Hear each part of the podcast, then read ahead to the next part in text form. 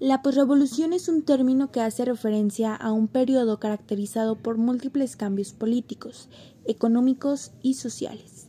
Comenzó después de la promulgación de la Constitución de 1917 y el fin de la lucha de facciones revolucionarias. Tuvo su desenlace hasta que México decidió declararse en la condición de estado de guerra durante la Segunda Guerra Mundial, a causa de las hostilidades ejercidas por las potencias del eje Alemania, Italia y Japón, en contra de nuestro país que provocaron el hundimiento de buques mercantes. Este conflicto marcó una etapa diferente en la historia de nuestro actual ejército mexicano.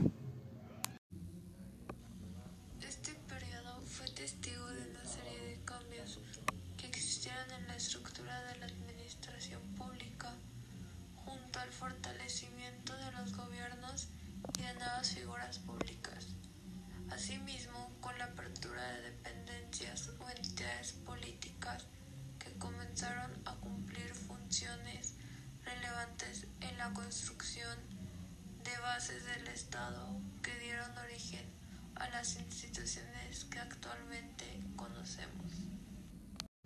La consolidación del Partido Liberal Constitucionalista se formó con un carácter socialdemócrata y en gran medida representó los ideales que habían establecido Venustiano Carranza al principio de la lucha revolucionaria, pero al favorecer la candidatura de Ignacio Bonillas provocó la inconformidad de algunos sectores militares privilegiados al permitir que líderes de procedencia civil pudieran estar al frente del gobierno.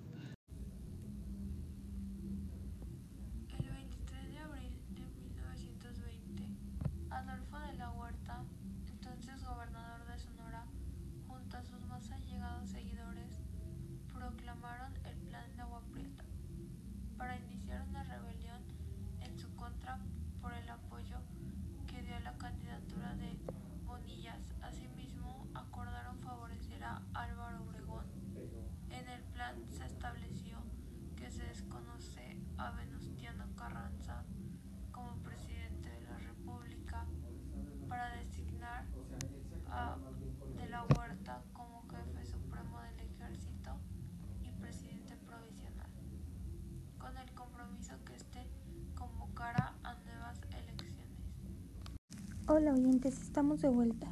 Espero les esté interesando este podcast. Recapitulemos un poco de lo que hemos hablado.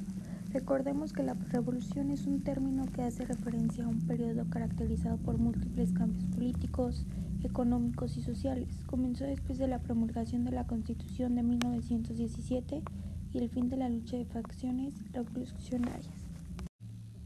Régimen de Obregón, la situación política y social tomó un nuevo cauce. La fundación de los nuevos partidos políticos definió la influencia que tendrían las organizaciones obreras durante este gobierno. Se incentivó la repartición de tierras para los campesinos e impulsó económicamente a los pequeños propietarios agrícolas que permitió establecer movimientos campesinos obreros constituidos en su etapa inicial por el primer Congreso Nacional Agrarista, las organizaciones campesinas y la influencia de la Confederación Regional Obrera Mexicana, CROM, con el apoyo de los partidos laboristas de 1919 y la Confederación Mexicana de Trabajadores de 1921.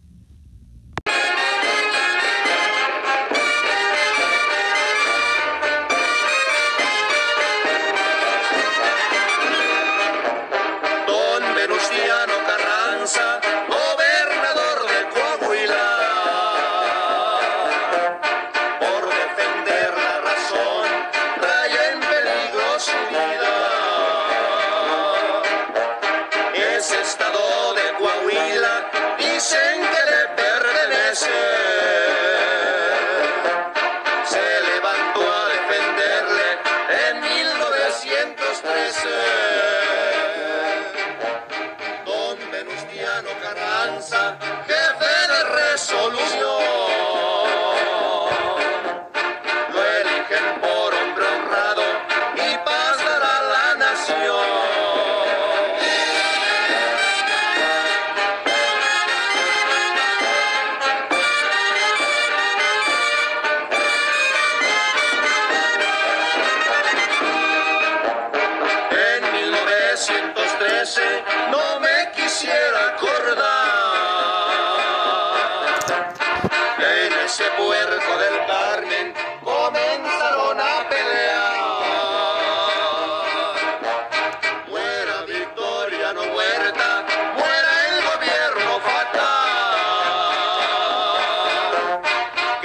Estamos de vuelta. Continuamos. Al fin del, del, gobierno de Obregón promovió una reforma agraria basada en la expropiación de latifundios y el reparto de las tierras, así como la iniciativa petrolera, afectada por las exigencias de ciudadanos estadounidenses por los reclamos sobre presuntos daños causados durante la Revolución Mexicana entre 1910 y 1921. Las negociaciones para frenar los conflictos que se pudieran suscitar a raíz de estas denuncias comenzaron a partir del 15 de mayo de 1923 y terminaron hasta el 13 de agosto de ese mismo año, dando como resultado los tratados de Bucareli de 1923.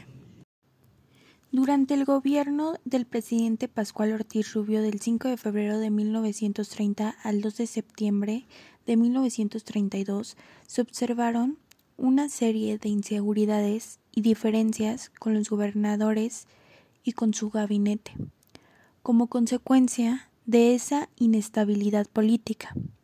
Finalmente, decidió renunciar a la presidencia en el mes de septiembre de 1932, quedándose en su lugar Abelardo Rodríguez. Abelardo Rodríguez ejerció la presidencia en calidad de sustituto del 4 de septiembre de 1932 hasta el 30 de noviembre de 1934.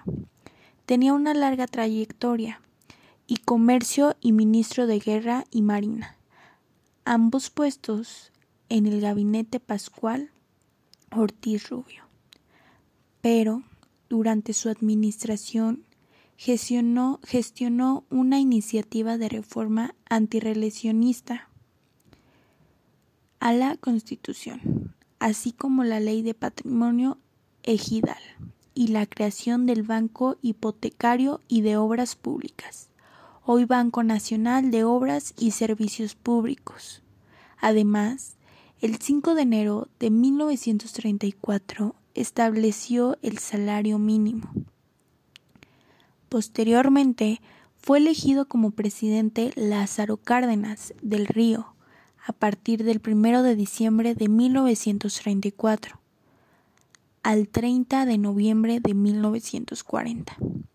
Impulsó la reforma agraria y consolidó las bases del funcionamiento del Partido Nacional Revolucionario en el plano educativo creó el Instituto Politécnico Nacional IPN y el Colegio de México, Colmex. También implementó el Plan Sexenal para activar la producción agraria.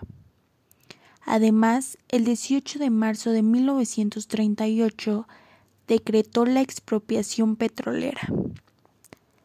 Como resultado de ejecución de la ley de expropiación del año 1938 y del artículo 27 de la Constitución mexicana y que consistió en la expropiación legal de armas, instalaciones, edificios, refinerías, estaciones de distribución, embarcaciones, oleoductos de la Compañía Mexicana de Petróleo. Como consecuencia del avanzado fortalecimiento institucional del país, el 1 de noviembre de 1937, por decreto del presidente Lázaro Cárdenas, se publicó en Diario Oficial de la Federación de 25 de octubre de ese mismo año, que la Secretaría de Guerra y Marina cambió de denominación a Secretaría de la Defensa Nacional. Fueron establecidas las misiones y funciones del ejército mexicano, para defender la integridad y la soberanía de la nación. Además, garantizar la seguridad interior y auxiliar a la población civil en casos de necesidades públicas. Finalmente, las características que tuvo este proceso cambiaron durante la presidencia de Ávila Camacho, cuando surgió la idea de unidad nacional a raíz de las hostilidades suscitadas durante la Segunda Guerra Mundial. Esto ha sido todo por el día de hoy. Espero les haya interesado este podcast. Si es así, no te olvides de seguirnos y activar las notificaciones para que sepas cuando subamos un nuevo episodio. No te pierdas el siguiente episodio en el cual hablaremos de los cristeros. Somos Melanie Perales y Sofía Cardona. Esto fue Los Mexiquenses. Bonito día.